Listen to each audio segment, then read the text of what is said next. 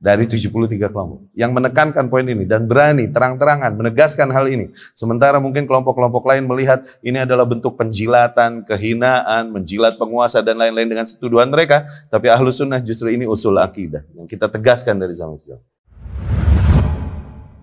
Assalamualaikum warahmatullahi wabarakatuh.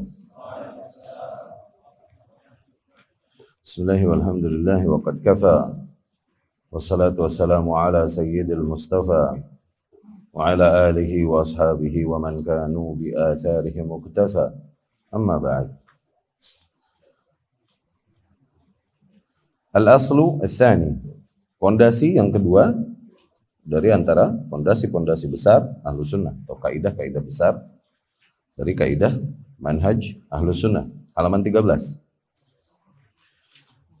kita bacakan dulu matanya qala hafizahullah Syekh Hafizahullah berkata, Al-asl indahum min usulis salafiyah. Yang menjadi fondasi kedua yang diyakini oleh mereka yakni para ahlus sunnah yang merupakan di antara fondasi-fondasi beragama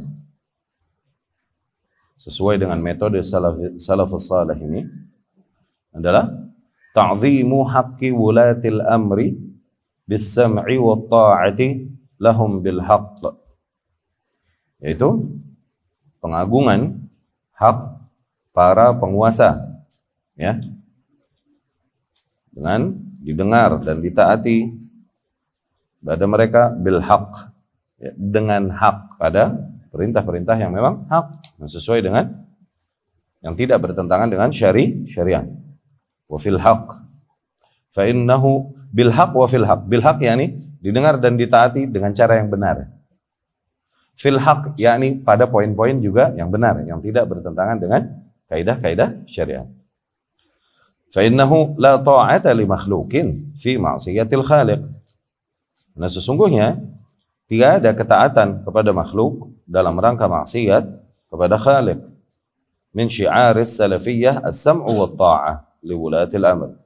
Maka di antara syiar metode salafisme ini, manhajus salaf di dalam beragama adalah mendengar dan mentaati para penguasa. Fahum yu'linunaha sarihah. Para kaum salafiyun mengumumkan dan menegaskan kewajiban ini. Bentuk akidah ini. Wajibnya mendengar dan mentaati penguasa, mereka menegaskan hal ini dan sarihah menyampaikannya terang-terangan menegaskan nilai ini wajibnya nilai ini anna wulatal amr alladzina yuqimuna syar'a Allah wa ma aqamus salata lahum alaina sam sam'u wa ta'ah ya bahwasanya para penguasa yang mendirikan syariat Allah selama mereka masih mendirikan salat maka mereka memiliki hak untuk uh, hak ke atas kita untuk didengar dan ditaati. Nasma' lahum wa nuti' wa la nuti'uhum fi ma'siyah. Kita senantiasa mendengar dan mentaati mereka dan tidaklah kita mentaati mereka di dalam perkara yang sifatnya maksiat. Karena Rasulullah sallallahu alaihi wasallam yaqul. Dikarenakan Rasulullah sallallahu alaihi wasallam bersabda, "La ta'ata li makhluqin fi ma'siyatil khaliq." Tak ada ketaatan kepada makhluk dalam rangka maksiat kepada Khalik. Innama nuti'uhum fima ya'muruna bihi. Adapun yang kita taati mereka, yakni para penguasa pada perkara-perkara yang mereka perintahkan ke atas kita, mimma la yukhalifu kitab Allah wala sunnata Rasulillah sallallahu alaihi wasallam. Dari perkara-perkara yang tidak bertentangan dengan kitabullah, tidak juga dengan sunnah Rasul sallallahu alaihi wasallam. Fa inna ta'ata wulatil amri min ahammi wasayar Rasul sallallahu alaihi wasallam. Sesungguhnya ya, nilai ini, yakni ketaatan kepada para penguasa adalah di antara wasiat-wasiat inti, wasiat-wasiat yang paling penting di antara dari wasiat-wasiat yang disampaikan Rasulullah sallallahu alaihi wasallam. Faqad qala alaihi salatu wassalam. Rasulullah sallallahu alaihi wasallam telah bersabda fil hadis as-sabiq di dalam hadis yang telah kita sebutkan Anil Irbad bin Sariyah radhiyallahu anhu dengan sanadnya dari Irbad ibn Sariyah radhiyallahu anhu lamma awsahum fi wasiyah muwaddi' ketika Rasul menyampaikan kepada mereka wasiat farewell, wasiat perpisahannya. Qal Rasul bersabda, "Usikum bi taqwallah was-sam'i wat-tha'ah." Aku wasiati kalian untuk senantiasa menjaga ketakwaan kepada Allah dan untuk senantiasa mendengar dan mentaati. Wa in ta'ammar 'alaikum 'abdun habashi. Kalaupun yang berkuasa atas kalian adalah seorang budak dari golongan Habasyah. Wa qala sallallahu alaihi wasallam mu'azziman amra sam'i wa ta'ah. Dan Rasulullah sallallahu alaihi wasallam bersabda, menekankan betapa pentingnya perintah untuk mendengar dan mentaati liwulatil umur kepada para penguasa wa muhadziran min mukhalafatiha dan memperingatkan para kaum muslimin dari melanggar aturan ini dan menentang penguasa wa bi mukhalafatil jamaah memperingatkan Rasul sallallahu alaihi wasallam juga memperingatkan kaum muslimin untuk menyelisihi al jamaah menyelisihi kesatuan Qala man kharaja min at-ta'ah. Rasul sallallahu alaihi wasallam bersabda, "Man kharaja min at-ta'ah." Barang siapa yang keluar dari ketaatan, yakni membangkang, wa faraqal jamaah, yang kemudian mengeluarkan diri dari kesatuan, yakni memberontak dari kesatuan yang ada, famat, maka ia mati, kemudian ia mati dalam keadaan itu mata mitah jahiliyah. Maka ia mati dalam keadaan sebagaimana matinya jahiliyah. Ini sebagaimana matinya orang-orang jahiliyah terdahulu. Wa sallallahu alaihi wasallam aidan dan Rasulullah sallallahu alaihi wasallam pun bersabda fi hadzal ma'na ya masih di makna yang sama man ata'al amira faqad ata'ani Rasul bersabda barang siapa yang mentaati penguasa maka sungguh ia telah mentaatiku wa man asal amira faqad asani dan barang siapa yang memaksiati penguasanya maka ia telah memaksiatiku. Wa qala sallallahu alaihi wasallam dan Rasul pun sallallahu alaihi wasallam bersabda, "Kullu ummati yadkhuluna jannata illa man aba." Seluruh umatku kelak akan masuk surga kecuali mereka yang memang enggan untuk masuk surga. Qalu, para sahabat bertanya, "Wa may ya'ba ya Rasulullah?" Siapa yang segan masuk surga ya Rasul? Siapa yang enggak mau masuk surga? Qal Rasul pun bersabda, "Man ata'ani dakhala jannah." Yang mereka, barang siapa yang mentaatiku, maka mereka yang masuk surga. Wa man asani faqad aba dan barang siapa yang memaksiatiku, yakni mengkhilafi perintahku, mereka lah hakikatnya orang-orang yang enggan menolak untuk masuk surga. Famin al-haditsaini yasirul ma'na maka dari kedua hadis tersebut dapat kita simpulkan sebuah makna. Ah, penting lihat. Dari kedua hadis tersebut, maka kita dapat simpulkan sebuah makna. Man al amir atau ar rasul. Barang siapa yang telah mentaati penguasa, maka dengan itu ia telah mentaati Rasul sallallahu alaihi wasallam dakhalal jannah. Dengan itu layaklah ia masuk surga. Wa man asal amir dan barang siapa yang memaksiati penguasa, asar rasulah. Dengan itu ia telah memaksiati Rasulullah sallallahu alaihi wasallam aba jannah berarti ia enggan atau menolak untuk masuk surga. Fasyiaruhum ahlul hadis ta'zimu ta'ati wulatil umur. Maka syiar mereka, yakni para ahlu sunnah, ahlul hadis, senantiasa mengagungkan kewajiban untuk mendengar dan mentaati penguasa wasam'i wa ta'ah lahum. Wa tahdhir min mufaraqatil jamaah dan syiar para ahlu sunnah, para, para ahli hadis juga terus memperingatkan manusia mengingkari para manusia. Okay? memperingatkan para manusia dari tindakan-tindakan apa pun yang sifatnya mufaraqatul jamaah, memisahkan diri dari kesah, kesatuan, membangkangkah, memberontakkah dari penguasa yang ada, wa surah min suwaril iftiraq. Ya, dan dari segala bentuk dari bentuk-bentuk perpecahan dengan dari kesatuan yang ada wal ikhtilaf dan perselisihan anil jamaah, ya. Senantiasa kaum muslimin, ahlu sunnah dari zaman ke zaman selalu menekankan kewajiban hal ini untuk sabar, dengar dan taati penguasa dan terus memperingatkan manusia dari tindakan-tindakan apa pun yang bentuknya menyelisihi, membangkang, apalagi memberontak kepada penguasa, penguasa bentuknya seperti apa pun. Hada syiaruhum. Demikianlah syiarnya para ahlu sunnah yukhalifuna bihi al-khawarij wa yukhalifuna bihi al-murji'ah wa yukhalifuna bihi ahlal ibtida' fa inna kulla ahlil bid'ah ma'alu amrihim ila al-khuruj Demikianlah akidah dan syiar ahlus sunnah yang membedakan mereka dari kelompok-kelompok lain dari para ahlul bidah. yakni dari 73 kelompok. Dari 73 kelompok.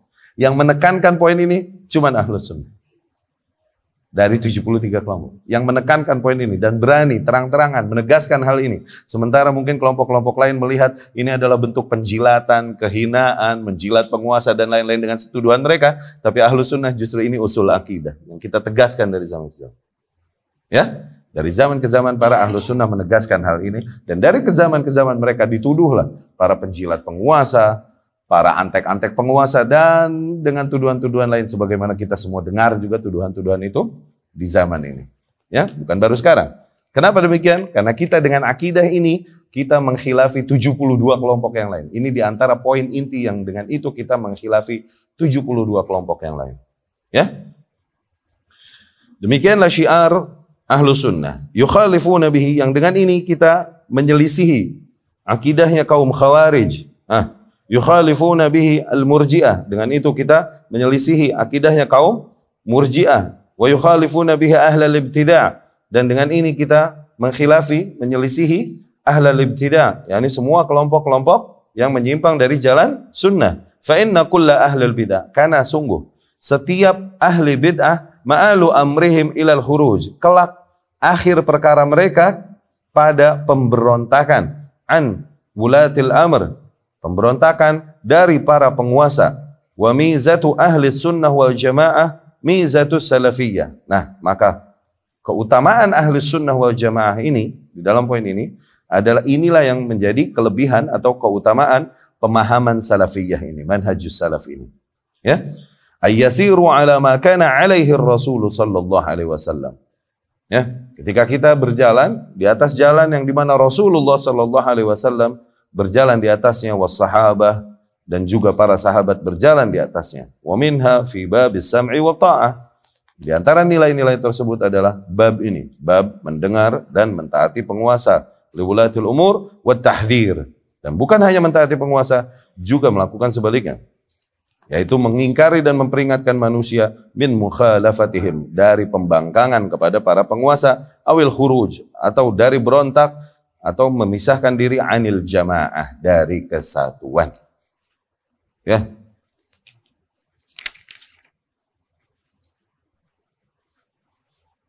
Ya. Jadi ikhwati rahimakumullah. Ini adalah usul di antara usul besar akidah salafiyah, ya. Yang di mana dengan poin-poin usul demikian selalu kita katakan di pelajaran-pelajaran akidah kita, dengan itu kita membaca seseorang atau menghukumi seseorang. Apakah dia di atas jalan yang sama atau tidak dengan kita? Ya, lihat dari poin-poin usul ini. Adakah mereka berbeda dengan kita? Ketika seseorang mengucapkan sesuatu atau menyerukan kepada sesuatu yang berbeda dengan yang kita yakini di dalam bab-bab usul ini, ah, maka itu jelas bahwa mereka tidak berada di atas jalan yang sama dengan kita berarti. Tuh. Oke? Okay? Jika seseorang ia menyerukan kepada poin yang sama. Oke? Okay?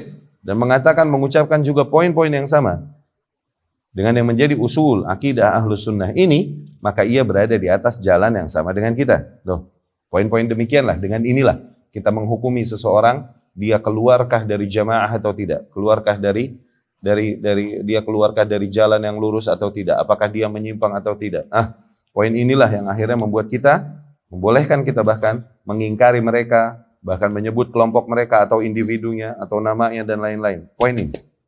Poin-poin usul. Ya, di antaranya poin usul tersebut yang paling inti adalah konsep mendengar dan mentaati penguasa penguasa. Ya.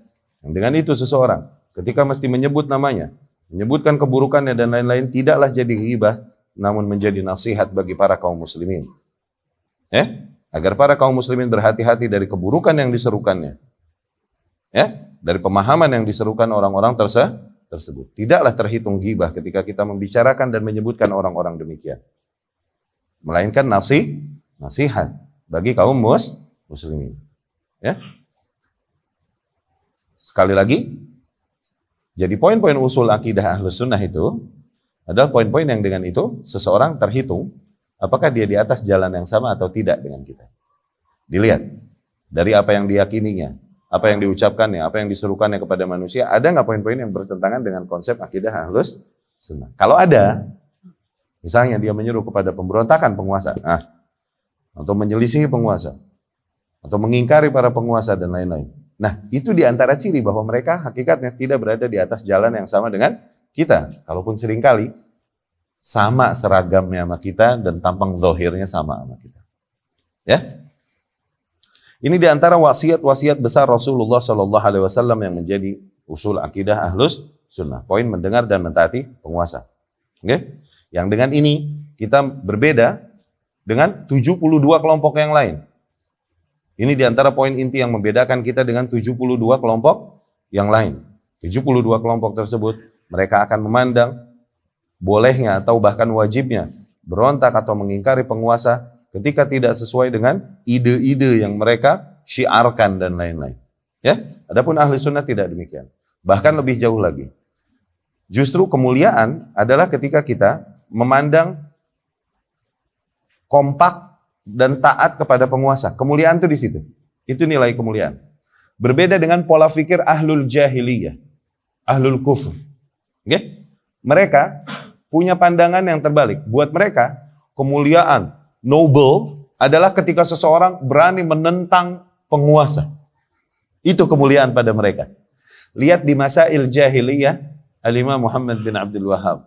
Di antara poin-poin, okay? yang Rasulullah Shallallahu Alaihi Wasallam datang kepada para manusia, ya, dan kemudian mengkhilafi akidah, poin-poin akidah yang ada pada para manusia adalah poin ini, di mana Islam datang dengan nilai memuliakan nilai mendengar dan mentaati, tunduk dan patuh kepada penguasa. Islam memuliakan nilai tersebut. Berbeda dengan ahlu syirk, ahlu jahiliyah, ahlu kufur. Justru buat mereka itu adalah kehinaan tunduk dan patuh kepada penguasa adalah kerendahan dan aib buat mereka. Kenapa? Buat mereka yang mulia dan agung adalah ketika seseorang resist sama penguasanya, melawan. Dan demikianlah memang konsep dan uh, mindset para kaum kufar sampai zaman sekarang. Lihatlah film-film mereka. Yang menjadi hero adalah orang-orang atau kelompok-kelompok yang melakukan resisten kan, yang melakukan pemberontakan kepada rezim yang ada. Ini yang selalu diangkat menjadi pahlawan pahlawan dan ini yang didogmakan kepada para penonton supaya mereka mindsetnya terarahkan seperti mereka. Aib buat mereka mendengar, mentaati, sabar kepada kezaliman penguasa itu adalah aib untuk mereka. Akidah kita justru sebaliknya. Akidah ahlu sunnah justru sebaliknya. Sabar. Dalam banyak hadis disebutkan detail teknisnya. Oke, okay? kalaupun penguasa tersebut zalim, kalaupun dirampas hartamu, kalaupun dicambuk punggungmu, dengar dan taati. Ya. Nah, poin ini ikhwati rahimakumullah. Inti dari kaidah ini adalah di mana mendengar dan mentaati kepada Allah Subhanahu wa taala dan Rasulnya sallallahu alaihi wasallam mutlak. Okay? ketaatan kepada Allah dan Rasulnya sallallahu alaihi wasallam mutlak. Mutlak ini absolut. Mutlak udah, wajib. Okay? Adapun perintah-perintah, mendengar dan mentaati kepada hal lain selain Allah dan Rasulnya, maka muqayyad, terikat, nggak mutlak. Terikat dengan syarat. Syaratnya adalah apabila perintah yang disampaikan tidak bertentangan dengan perintah yang datang dari Allah dan Rasul Sallallahu Alaihi Wasallam. Ya, Diperintahkan anak-anak taat kepada orang tua. Diperintahkan istri taat kepada suaminya. Diperintahkan rakyat taat kepada penguasanya. Tuh. Diperintahkan diperintahkan juga diperintahkan umat untuk ikut arahan para ahli ilmu yang ada pada mereka. Semuanya tuh perintah taat demikian itu terikat. Nggak mutlak. Karena mentaati makhluk sifatnya. Mentaati makhluk. Itu muqayyad. Apabila perintah yang disampaikan tidak bertentangan dengan apa yang datang dari Allah Subhanahu wa taala dengan kitabullah dan sunnah Rasul sallallahu alaihi wasallam. Ya. Namun, tidaklah maknanya juga ketika kita melihat adanya poin-poin yang bertentangan dengan apa yang diperintahkan makhluk tersebut yang kita diperintahkan untuk mentaatinya dan mengagungkannya, tidaklah maknanya ketika kita melihat adanya kekurangan, adanya poin-poin yang diperintahkan ternyata bertentangan dengan kitabullah dan sunnah Rasul sallallahu alaihi wasallam, tidak juga maknanya kita membatalkan semua bentuk ketaatan dan pengagungan kita. Ya, tetap kita taati dan agungkan secara umum. Tapi poin itu yang tidak bertentangan, yang yang bertentangan dengan kitabullah dan sunnah Rasul Shallallahu Alaihi Wasallam di poin itu jangan kita taati. Ya, sebagaimana kepada para orang tua. Ketika memerintahkan kita mungkin dengan perintah-perintah yang sifatnya bertentangan dengan kitabullah dan sunnah Rasulullah Shallallahu Alaihi Wasallam. Okay? Dalam poin-poin demikian, maka tidak kita taati. Tapi bukan maknanya, bukan maknanya. Dengan itu kita boleh mengingkarinya, berteriak kepadanya, kemudian membicarakannya dan menggunjingnya kepada khalayak ramai tentang keburukan orang tua kita dan lain-lain. Enggak begitu maknanya kan? Tetap kita diperintahkan untuk mengagungkan dan menjaga kehormatan orang tua. Kalaupun yang diperintahkan oleh orang tua kita adalah sebesar-besarnya dosa, kesyirikan. Ya? Saat bin Abi Waqqas radhiyallahu anhu. Ini di antara kabar yang kami dapatkan yang pernah kami pelajari. Sa'ad bin Abi Waqqas radhiyallahu anhu mentaati ibunya luar biasa, baran bi ummi. Terkenal berbakti kepada orang tuanya. Tapi Sa'ad bin Abi Waqqas kemudian tersentuh hidayah dan beriman kepada Rasulullah sallallahu alaihi wasallam. Uminya ini nggak terima. Dan uminya terus memaksanya untuk meninggalkan agama Muhammad sallallahu alaihi wasallam untuk kembali mur murtad dan kembali ke agama tradisional mereka. Saat pun nggak mentaatinya, nggak mau mentaatinya. Umayyah terus berkeras memaksa saat untuk meninggalkan agamanya dan kembali ke agama tradisionalnya. Meninggalkan agama Muhammad Sallallahu Alaihi Wasallam. Saat pun bertahan dan gak mau mentaati perintah orang tuanya. Benar gak saat? Sampai situ benar gak? Benar kan radhiyallahu anhu. Zen. Uminya demo. Ah, mogok makan, mogok minum. Gak mau makan, gak mau minum. Uminya berkata kepadanya, Lan akul wa ashrab. Aku tak mau tak makan, tak mau minum, Katanya, hatta amud sampai aku mati. Fatu'ayyar bi. Sehingga kau dicela-cela dengan namaku. Oke? Okay? Sehingga para manusia memanggilmu, Ya qatila ummi. Wahai seseorang yang membunuh ibunya sendiri. Dia mogok makan, gak mau makan, gak mau minum. Saat terus membujuknya untuk makan dan minum. Dengan segala cara membujuknya. Kesian uminya kan? Oke? Sampai dikatakan bahkan, saat pun memaksakan masuk makanan kepada ibunya dan lain-lain. Okay? Sampai pegel saat akhirnya radhiyallahu anhu dan dia berkata kepada uminya nih, lihat sahabatnya saat luar biasa, sahabat saat luar biasa. Dia nggak ditentang sama tetangganya, sama orang kaumnya atau sama kantornya. Tapi sama uminya, kebayang nggak? Hah? Wa asyaddul bala juhdul mahbub. Dan bala yang paling berat adalah ketika yang mengingkari kita adalah orang yang kita cintai. Itu asyaddul bala itu ujian-ujian yang paling besar. Ketika orang yang mesti bertentangan sama kita adalah orang yang Allah kita cintai mereka, kita hormati mereka. Tapi gimana dong? Hak yang aku yakini bertentangan dengan yang mereka sampaikan dan syiarkan. Gimana dong tuh? Ya. Itu asyadul bala. Bala yang paling pahit adalah juhdul mahbub. Pengingkaran. Someone you love. Nih, kalau orang yang nggak kenal yang mengingkarimu, santai gak? Santai, well trained kita insya Allah. Hmm, bifadlillah. Tapi yang mengingkarimu adalah orang yang kau cintai. Aduh itu pedas. Hah? Nah demikianlah saat Ibn Abi Waqqas menghadapi pengingkaran siapa? Ibunya. Dan dia emang terkenal orang yang baran bi umi, yang berbakti kepada ibunya tuh. Berarti ada cinta yang besar kan? Tapi pegel saat lama-lama dia berkata, menegaskan akidahnya. Perhatikan perkataan saat. Ya? Kuli in syi'ti wa in syi'ti la takuli. Makan kalau kau mau. Kalau enggak mau juga jangan makan. Gituin sama Sa'ad radhiyallahu anhu. Lau kanat laki mi'atun nafs. Andai saja engkau wahai ibu punya seratus nyawa. Oh, seratus nyawa ya. Wa kharajat minki wahda wahda. Dan setiap nyawamu nih keluar dari dirimu satu persatu. Dan setiap keluar satu nih menyiksaku begini. gitu. Dan stok nyawamu ada seratus. Nggih? Mata taraktu dina Muhammad. Sungguh aku tak akan pernah tinggalkan agamanya Muhammad sallallahu alaihi wasallam. Kuli in syi'ti wa in syi'ti la. Kalau mau makan, kalau kagak serah. Gituin kata Sa'ad radhiyallahu anhu. Sampai akhirnya turun. Masya Allah nggak sahabatnya Sa'ad? Sahabat nggak? Masya Allah nggak? Terus turun ayat. Turun ayat nih, kasus itu. Yang ditegur siapa? Justru saatnya. Wa in jahadaka ala an tusyrika bi ma laysa laka bihi ilm. Apabila mereka berdua menentangmu memaksamu untuk mempersekutukanku dengan sesuatu yang kau tak miliki ilmu atasnya, fala tuti'huma. Maka janganlah taati mereka berdua. Wasahibhuma fid dunya ma'rufa. Tapi tetap treat them, perlakukan mereka di dunia dengan perlakukan yang ma'ruf, yang dibenarkan, yang baik. Yang ditegur justru saatnya radhiyallahu anhu. Karena apa? Karena kerasnya perkataannya kepada uminya. Yang ditegur justru saatnya. Pada saat benar gak? Saat. Tuh lihat. Kalau dosanya dosa syirik yang diperintahkan, okay?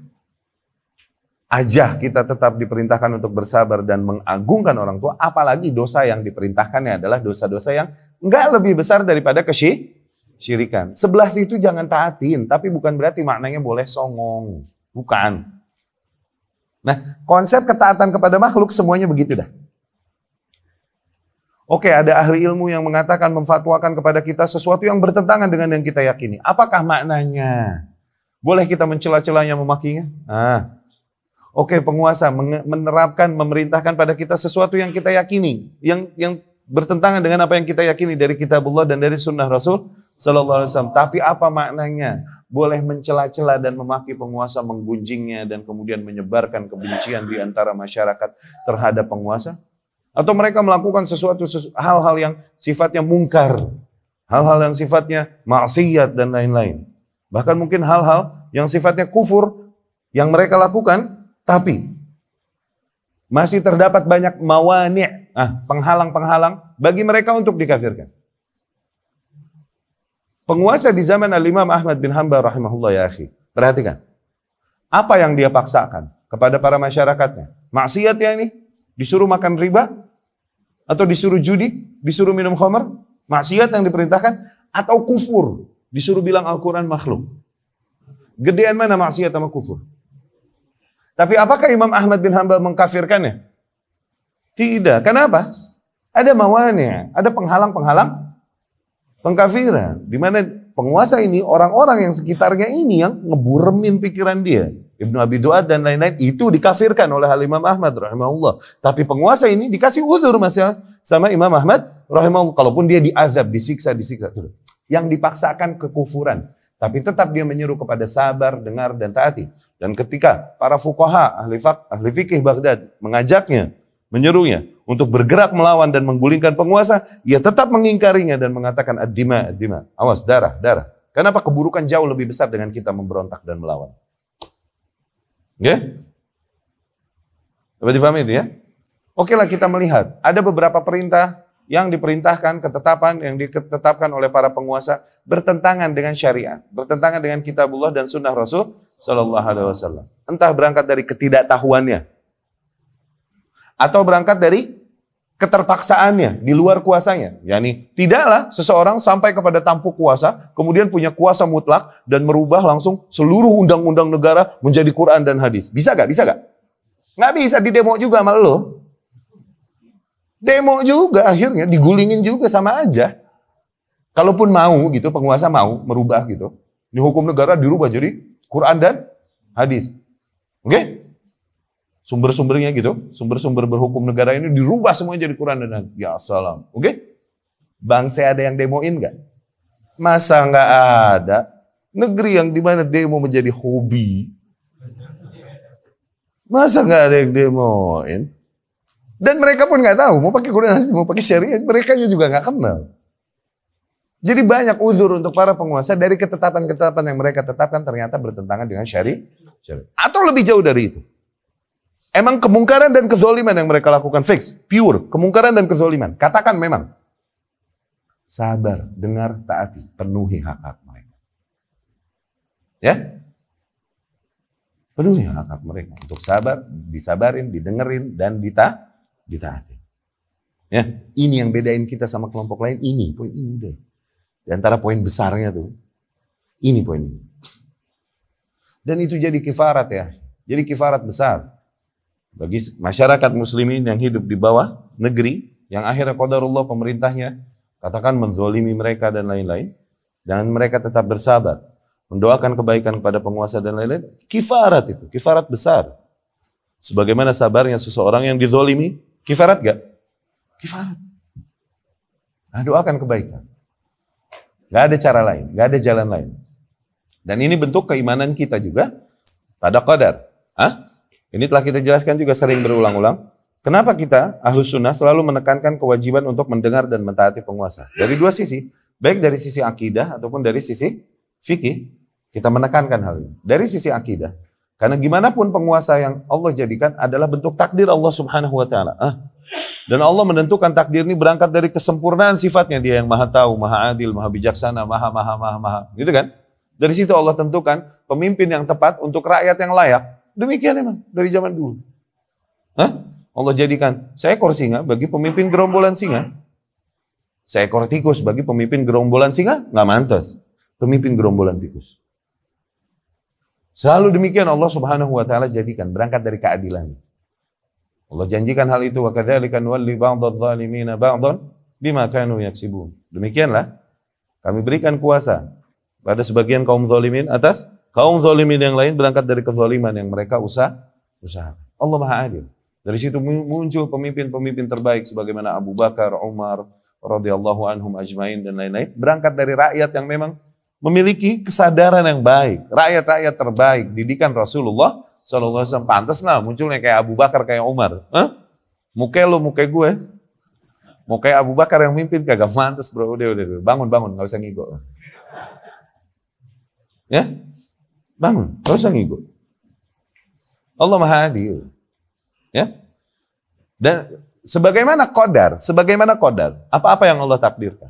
Apakah seorang yang beriman dengan baik akan mencela-cela apa yang ditakdirkan kepadanya ketika tak sesuai dengan selera? Nasib miskin, udah miskin sakit-sakitan mulu. Boleh nggak nih orang beriman cela-cela nasib? Head, nasib gua begini amat ya. Mana melarat, sakit nggak kelar-kelar, boleh nggak orang beriman ngomong gitu? Kufur nggak mencela takdir? Ah, penguasa. mencela takdir. Dan kemudian nggak ada perbaikan. Dengan mencela-celanya, apakah mungkin Allah Subhanahu wa taala memberikan perbaikan kepada penguasa kita? Nggak mungkin. Yang ada malah Allah hukum kita dengan kondisi penguasa yang lebih buruk. Kenapa? Karena kita mencela-cela apa yang Allah takdirkan. Dijadikan penguasa semakin buruk. Kenapa? Karena kita mencela-cela qadar Allah Subhanahu wa taala yang merupakan keadilan Allah Subhanahu wa taala. Iya kan? Coba kalau kita sabar dan doakan. Ada kemungkinan nggak? Doakan kebaikan, doakan petunjuk, doakan bimbingan kepada Tuhan. Ada kemungkinan nggak Allah mendengar doa kita? Nabi ada kemungkinan toh. Kalau kita mencela-cela penguasa, dosa atau pahala yang kita dapat? Dosa. Kalau kita doakan, sabar, doakan kebaikan bangsa. Dosa apa pahala yang kita dapat?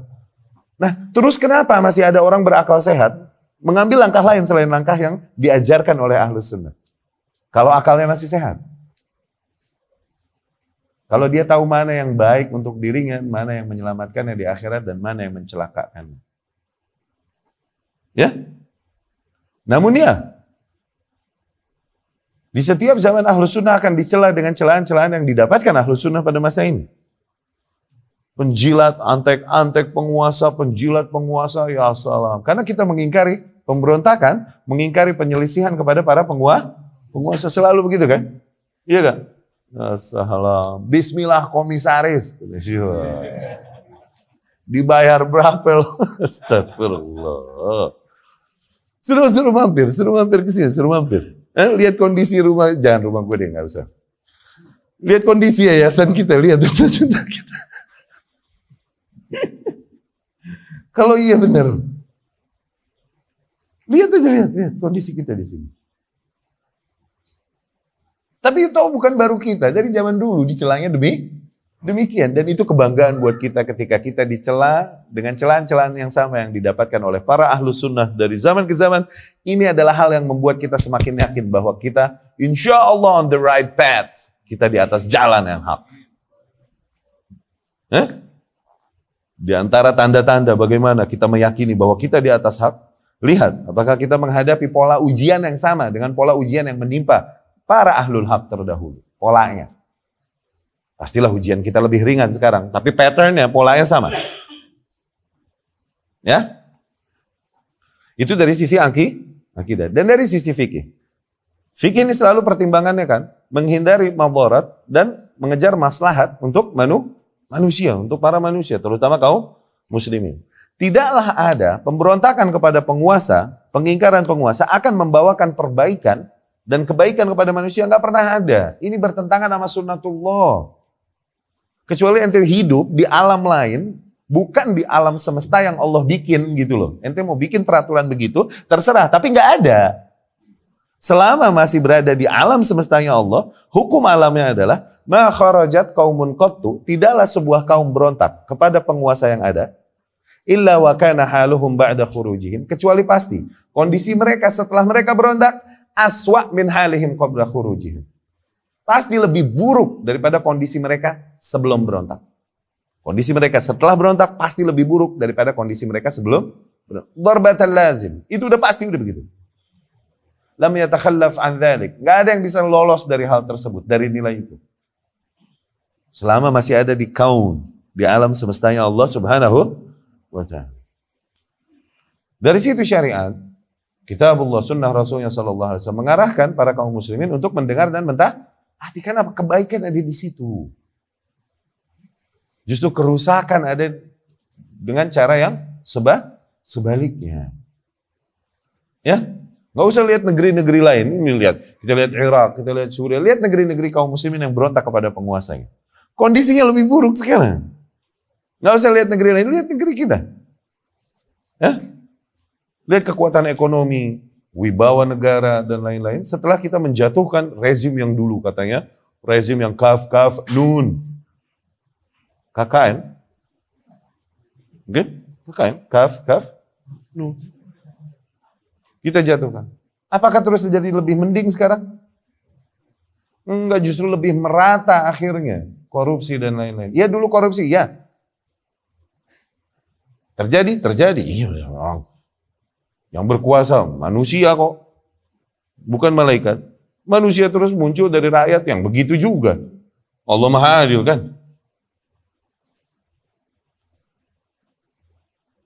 At least dulu Kalaupun terjadi korupsi, korupsinya tersentralisasi. Oh, di kelompok itu. Sekarang semua lini, semua lini korupsi. Dan udah nggak malu lagi. Dulu masih korupsi iya, tapi di bawah meja, at least kan di bawah meja. Sekarang meja-mejanya dikorupsi bro. Lihat harta negara yang dikorup setelah yang katanya reformasi, lihat jauh lebih besar daripada harta negara apa harta negara yang dikorup 30 tahun kekuasaan rezim yang dulu. Dan ini diakui. Dan ini diakui oleh para tokoh-tokoh negara dalam pernyataan-pernyataan yang ungkapan-ungkapannya. Ya? Jadi demikian, konsep kita ini datangnya dari Rabb bro. Dari Allah subhanahu wa ta'ala. Dibawakan oleh Rasulnya sallallahu alaihi wasallam. Jangan pernah kau ragu bahwasanya konsep itu adalah konsep yang paling hak dan paling membawakan kebaikan untuk manusia. Jangan pernah sedikit pun kau ragu, kalaupun kau mesti bersendirian meyakini hal itu, sementara para manusia mengingkarimu dan menentangmu. Jangan, jangan kau ragu sama sekali. Bertahan di atas hal itu. Karena ini adalah jalan di antara jalan-jalan petunjuk. Alaika biturukil huda. Kau wajib untuk mengikuti jalan-jalan petunjuk. Wala tastawhish min killatis salikin. Dan janganlah kau berkecil hati. Karena sedikitnya manusia yang menempuh jalan itu. Wa iyyaka wa turqad dalalah. Dan jauhilah olehmu jalan-jalan yang membawakan kepada kesesatan wala yaghurrannaka kathratul halikin dan janganlah kau terlena terpesona dengan banyaknya manusia yang mengikuti jalan-jalan kesesatan tersebut sesungguhnya mereka halikin celaka ya? Begitu. Mendengar dan mentaati penguasa? Ya. Mendengar dan mentaati pada hal yang ma'ruf. Ya? Pada hal yang tidak bertentangan dengan kitabullah dan sunnah rasul say katakan ada poin-poin yang bertentangan dengan kitabullah dan sunnah Rasul Wasallam. Ah, apakah boleh maknanya kita frontal mengingkarinya di khalayak umum dan kemudian membatalkan ketaatan kepada para penguasa dan mengatakan bahwa penguasa kita ini maling, penguasa kita ini semuanya maling, semuanya kadzab, semuanya pendusta dan lain-lain. Lah, lah, lah. Ini bukan da'bu ahli sunnah. Bukan gaya dan kebiasaan ahlu sunnah dari zaman ke zaman. Sabar, doakan kebaikan untuk mereka. Ya, dan mengingkari pemberontakan, mengingkari penyelesaian kepada penguasa, juga ini bukanlah hal yang sifatnya menjilat penguasa. Lah, ini akidah. Kita tetap terapkan nilai ini baik mau dirangkul ataupun tidak oleh pemerintah, oleh aparat. Ini emang akidah kita. Terus kita ingkari gerakan-gerakan pemberontakan dan penyelisihan kepada para penguasa. penguasa. Karena ini akidah kita dari zaman ke sana. Ya? Itu bukanlah bentuk menjilat dan lain-lain. Kalaupun mereka menuduhkan demikian. Ini bukanlah bentuk menjilat, ini bentuk menegaskan yang hak yang seharusnya sebagaimana datangnya dari Allah dibawakan Rasulnya Shallallahu Alaihi Wasallam. Kita mengingkari mereka yang mencela-cela penguasa, ya. Kita mengingkari mereka. Karena apa? Karena berangkat dari cinta kita pada mereka. Mereka ini nggak tahu bahwa dengan begitu mereka mendapatkan dosa, dengan begitu mereka mendapatkan hukuman dari Allah Subhanahu Wa Taala. Di Abu Bakar radhiyallahu anhu, satu hari lagi di mimbarnya Ibnu Amir. Ibnu Amir nih gubernur di antara gubernur-gubernur yang ada. Waktu itu lagi berkhutbah Ibnu Amir dan dia pakai baju yang tipis. Baju yang tipis. Oke, baju tipis. Nah dulu kalau orang pakai bajunya tipis, ini bajunya fasik. Baju preman. Ini begitu. Akhirnya ada di situ seorang dari alay-alay khawarij. Oke? Okay? Namanya Abu Bilal. Nyeletuk nih dia nih. Unzuru ila amirina. Lihat tuh. Amir kita. Yani governor kita nih, wali kota kita. Anything. Lihat tuh. Yalbath siab al-fusaq. Dia pakai bajunya, baju-baju orang fa.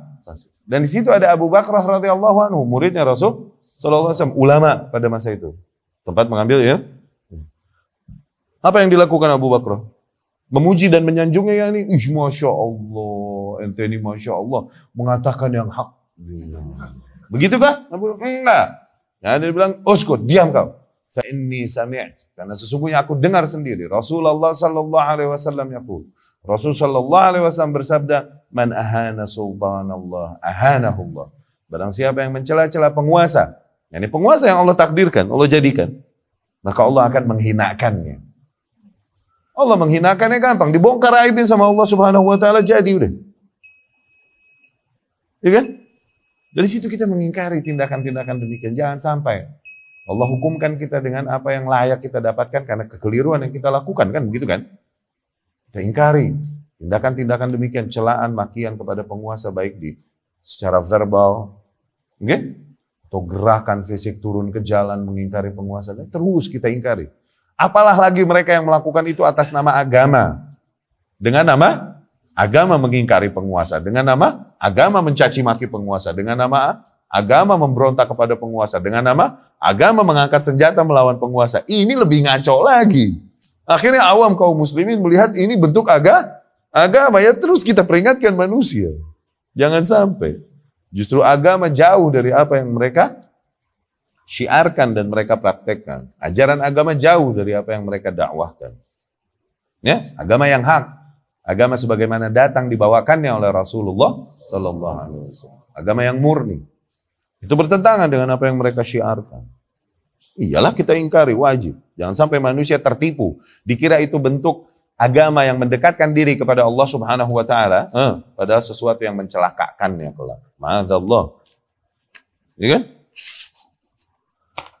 Jadi ikhwati rahimakumullah, demikianlah di antara keistimewaan ahlu sunnah, sesuatu yang membedakannya dengan kelompok-kelompok kaum muslimin yang lain. Jadi usul, inti pondasinya. Ya, pondasi beragamanya di antaranya adalah nilai mendengar dan mentaati pengua, penguasa. Ya. Semua qala hafizahullah. Kemudian Syekh hafizahullah berkata, Wahum fi dhalik, dan mereka ya, ini para ahlu sunnah, para salafiyun, di dalam hal tersebut, yamtathiluna hadis Rasulullah sallallahu alaihi wasallam. Mereka merealisasikan nilai yang terdapat di dalam hadis Rasul sallallahu alaihi wasallam alladzi jaa 'anil Hudzaifah yang datang dengan riwayatnya dari Hudzaifah Ibnu Yaman radhiyallahu anhu. Qal, beliau berkata, ya. Hudzaifah Ibnu Yaman adalah sahabat di antara para sahabat radhiyallahu anhum yang menjadi spesialis hadis-hadis fitnah. Oke? Okay? Hadis-hadis fitnah yang kelak akan terjadi dan lain-lain. Nah, keburukan-keburukan yang akan terjadi di umat Muhammad Sallallahu Alaihi Wasallam. Banyak Hudzaifah menanyakannya duluan kepada Rasulullah Sallallahu Alaihi Wasallam sering kali bahkan Rasul berkata, aku sudah duga tak akan menanyakan hal ini seorang pun sebelum engkau wahai Hudzaifah. Tuh, sering begitu. Kenapa? Kebiasaan Hudzaifah demikian dan beliau radhiyallahu anhu menceritakan dan dia adalah orang yang amin, yang terpercaya bahkan Rasul menyimpan rahasianya padanya. Dia yang dititipkan nama-nama kaum munafikin oleh Rasulullah Sallallahu Alaihi Wasallam. Ya, Rasul tahu tuh, Hudzaifah tahu tuh nama-nama kaum munafik Munafikin yang nggak diketahui umumnya manu, saya disampaikan pada Hudzaifah radhiyallahu anhu. Sehingga Umar radhiyallahu anhu, demikianlah para sahabat saking takutnya dari kemunafikan, bahkan Umar yastahlif, dia minta sumpah dengan nama Allah. Astahlifuka billah kepada Hudzaifah radhiyallahu anhu. Asammani, apakah Rasul menyebutkan aku, namaku? Ya ini di antara para kaum. Umar nih, imannya kayak gimana? Tayyib. Tapi tetap dia terkena, takut terkena sifat Sifat nifak. Hah? Apa ceritanya kita? Terus kita pede lagi dari sifat nifak. Astagfirullah. Paham gak? Umar. Yang syaitan lari darinya. Min, eh, syaitan lari nih dari Umar radhiyallahu anhu. Masih takut terkena sifat nifak. Sampai yastahlif Hudzaifah. Sampai minta sumpahnya Hudzaifah. Astahlifuka billah. Aku angkat sumpahmu atas nama Allah. Rasul menyebut namaku gak? Hudzaifah bilang enggak lah. Begitu. Hudzaifah berkata radhiyallahu anhu, "Kana nasu yas'aluna Rasulullah sallallahu alaihi wasallam 'anil khair." Para manusia biasanya bertanya kepada Rasulullah sallallahu alaihi wasallam tentang perkara-perkara yang khair, yang ajib-ajib nanti yang akan didapatkan. Oke? Wa kuntu adapun aku kuntu as'aluhu 'anil syarr. Aku biasa justru menanyai Rasul sallallahu alaihi wasallam tentang hal-hal yang buruk yang akan terjadi nanti. Bukan apa-apa. Makhafata ayyudrikani. Karena aku takut keburukan itu nanti akan menimpa aku. Jadi aku tanya dulu kelus kepada Rasul Sallallahu Alaihi Wasallam. Nah di antaranya adalah hal ini, hadis ini, ya. Nah, kita lihat hadisnya sedikit panjang. Hudzaifah ibn Yaman radhiyallahu anhu berkata, "Ataitu ila Rasulillah sallallahu alaihi wasallam." Aku mendatangi Rasulullah sallallahu alaihi wasallam Wal hadis dan hadis ini akhrajahu Muslimun fi sahihi. Diriwayatkan Imam Muslim dalam sahihnya. Qal Ataitu ila Rasulillah sallallahu alaihi wasallam aku mendatangi Rasul sallallahu alaihi wasallam fakultu dan aku pun bertanya kepada Rasul. Ya Rasulullah kunna fi jahiliyatin wa syar. Ya Rasulullah, dulu kita berada dalam kondisi jahiliyah dan dalam keburukan. Jahiliyah apa? Ini kita mengalami era sebelum kau diutus. Jahiliyah ingat ya definisinya ya. Dan dalam keburukan, ini kesyirikan dan rusaknya mau moral. Ya. Fa'atallahu bihadzal khair. Kemudian Allah mendatangkan kebaikan ini, yakni mengutusmu, menurunkan kitabnya dan membawakan petunjuk dan perbaikan ini. Fahal ba'da hadzal khair. Apakah ya Rasulullah setelah semua kondisi baik ini, setelah kebaikan ini, syar akan kembali datang keburukan nanti? Ah, faqal Rasul berkata sallallahu alaihi wasallam, "Na'am." Iya kelak akan kembali ke burukan. Faqal Hudzaifah pun berkata, "Fahal ya Rasulullah, fahal ba'da hadza syar?" Nanti setelah keburukan tersebut yang terjadi, khairun akan kembali datang lagi kebaikan ya Rasulullah? Ya. Faqala Rasul sallallahu alaihi wasallam, maka Rasul pun sallallahu alaihi wasallam bersabda, "Na'am, ya, akan kembali akan kembali lagi keba kebaikan ala dakhan." Tapi kebaikan yang nanti kembali ala dakhan Enggak, ala dakhan berasap, yakni foggy. Burem. Ada kebaikan, tapi burem. Ya? Burem, enggak, enggak clear. Ya? Qal, wa ma dakhanuhu ya Rasulullah? Apa itu yang menjadi asapnya, yang mengaburkannya? Jadi berarti kebaikan tadinya adalah sesuatu yang terang dan jelas, tapi nanti jadi burem. Kondisi yang ada nanti buruk. Apa itu yang bikin buram ya Rasulullah? Apa asapnya? Ya, ini apa kabutnya nih yang bikin buram? Qal Rasul berkata, "Aqwamun yahtaduna bi ghairi hadyi wa yastannuna bi ghairi sunnati." Kaum-kaum yang yahtadun bi ghairi hadyi, mereka mengambil petunjuk bukan petunjukku. Yastannun mengambil sunnah bukan sunnahku. Ya? Qal Hudzaifah berkata, "Ya Rasulullah, Hal ba'da hadzal khair. Apakah setelah kebaikan tersebut nanti ya Rasulullah, kebaikan yang udah mulai foggy, berkabut, Oke? Okay? Apakah setelah kebaikan itu nanti ya Rasulullah, syar akan kembali lagi keburukan nanti? Faqala sallallahu alaihi wasallam, Rasulullah sallallahu alaihi wasallam berkata, "Na'am, ya, akan kembali lagi keburukan." Ay anna ba'da hadzal khair alladhi ala dakhan, maknanya adalah setelah kondisi kebaikan tersebut kembali kepada umat, kebaikan yang berasap tadi, yang kabur tadi, yang buram, syar akan kembali keburukan, ma huwa? Qala, apa itu? Ya Rasulullah, apa itu keburukan yang akan kembali lagi nanti ya Rasulullah? Qala Rasulullah sallallahu alaihi wasallam.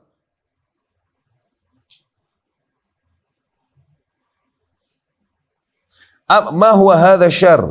Apa keburukan tersebut yang kelak akan kembali ya Rasulullah? Qal, Rasul pun bersabda sallallahu alaihi wasallam, aqwamun para kaum yalbisuna linnas juludad dha'n yang mereka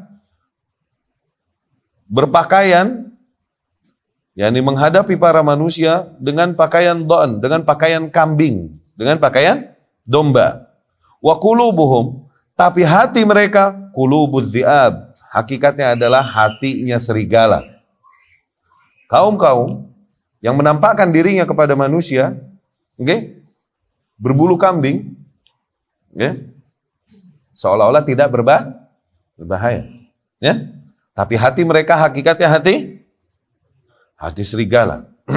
Wa fi dan di dalam riwayat lain qal Rasul bersabda sallallahu alaihi wasallam Du'atun ala abwabi jahannam. Para penyeru para penyeru yang menyeru manusia kepada abwab jahannam, pintu-pintu neraka. Man tabi'ahum, maka barang siapa yang mengikuti mereka, qadhafuhu fiha. Dengan itu mereka akan memasukkannya ke dalam neraka.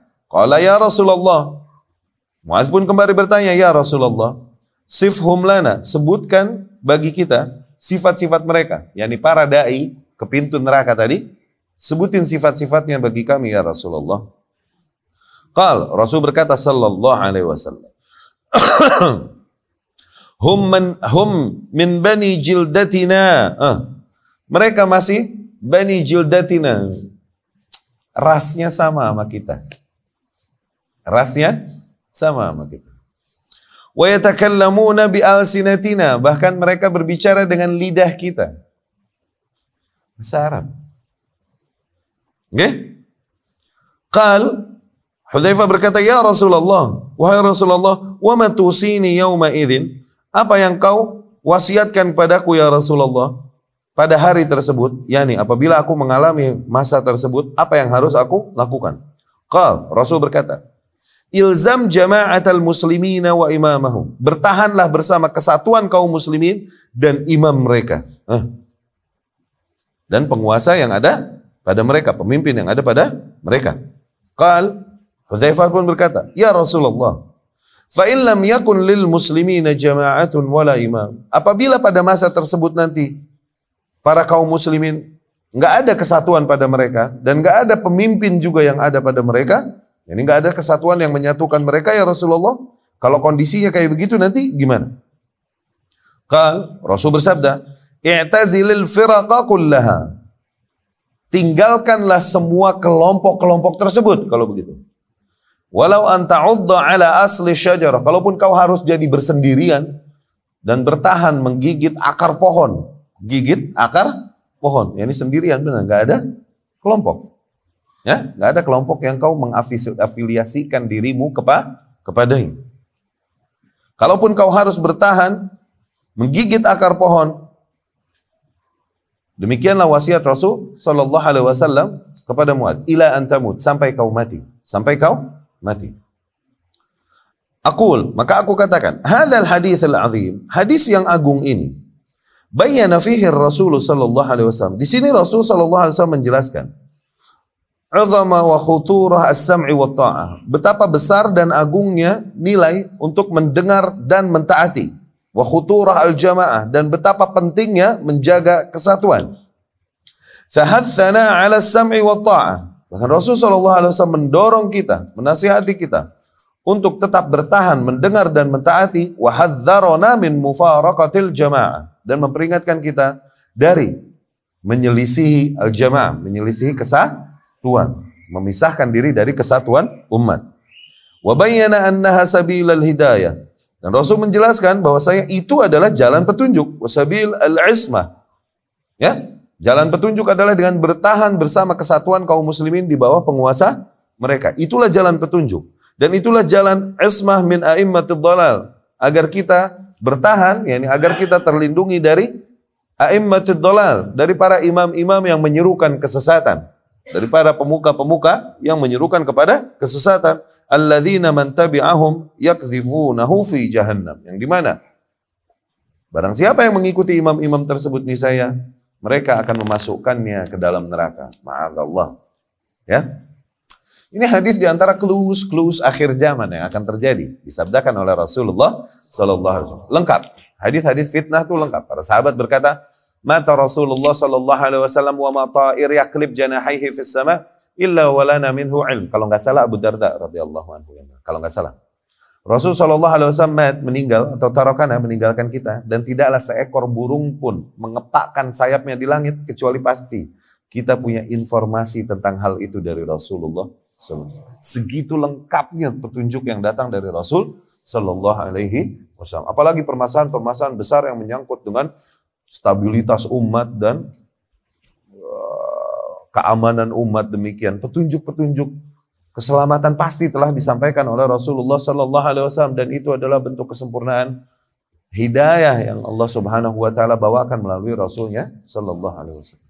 Ya, Lihat, di mana nanti akan berulang-ulang. Taib kebaikan, kemudian merata lagi keburukan, ntar muncul lagi kebaikan, kemudian merata lagi keburukan. Demikian terus kan? Hah? Ala. Kebaikan ketika disebut ala dakhan, yakni apa? Nanti akan ada orang-orang yang dikira manusia, mereka berada di atas sunnah Rasul Sallallahu Alaihi Wasallam, berada di atas petunjuk Rasul Sallallahu Alaihi Wasallam. Namun hakikatnya tidak demikian, tuh burem. Hakikatnya tidak demikian. Ya, itu maksudnya kebaikan ala dakhan, burem. Oke, okay? burem ini pastilah syubhat, pastilah syub, syubhat pasti. Ya, yang membuat manusia akhirnya salah menilai, salah mengambil kesimpulan dan akhirnya salah mengambil lang langkah. Oke? Dan lihatlah, nanti kebaikan eh, keburukan di antara keburukan-keburukan besar adalah di mana munculnya dai-dai ke arah pintu neraka. Dai-dai yang menyeru manusia kepada pintu neraka. neraka. Yang mentaatinya, mengikuti seruannya, justru akhirnya dengan itu dia masuk neraka. Tuh, Sebutkan sifatnya bagi kita ya Rasulullah. Mereka sifatnya juga bisa sangat meyakinkan manusia bahwa mereka di atas kebenaran. Mereka gennya sama, lidahnya sama sama kita. Tuh. Manusia udah yakin aja kalau gen itu lidahnya jago begitu, waduh, udah. Lalu pakai udang-udang.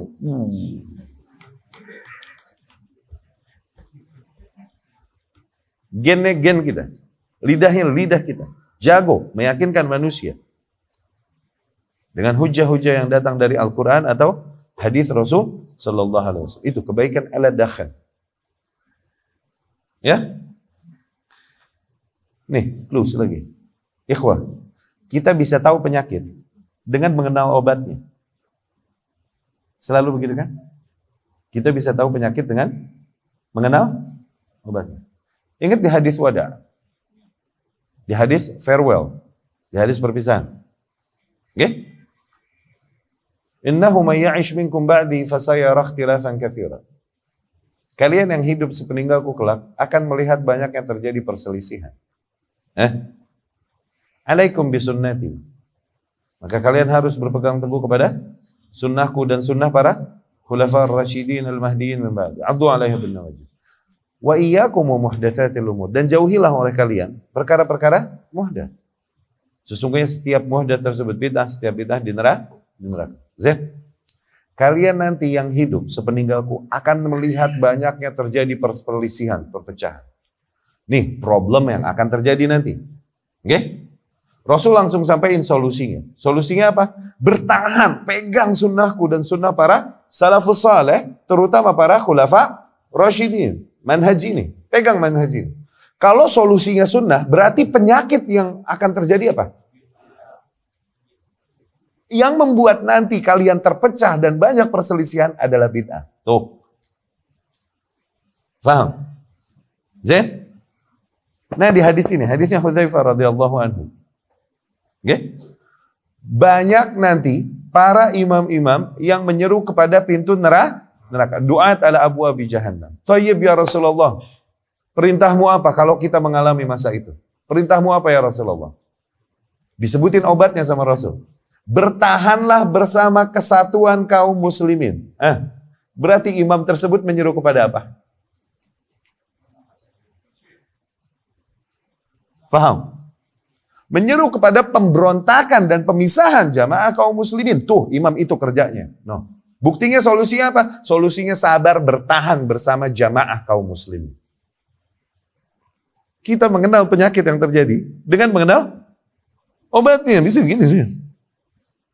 Solusinya adalah bertahan bersama jamaah kaum muslimin. Berarti permasalahan yang nanti terjadi adalah perpecahan dari jamaah kaum muslimin, nah, jamaahnya jamaah umum, jamaah yang berada di bawah satu kepemimpinan atau jamaah diniyah, jamaah agama.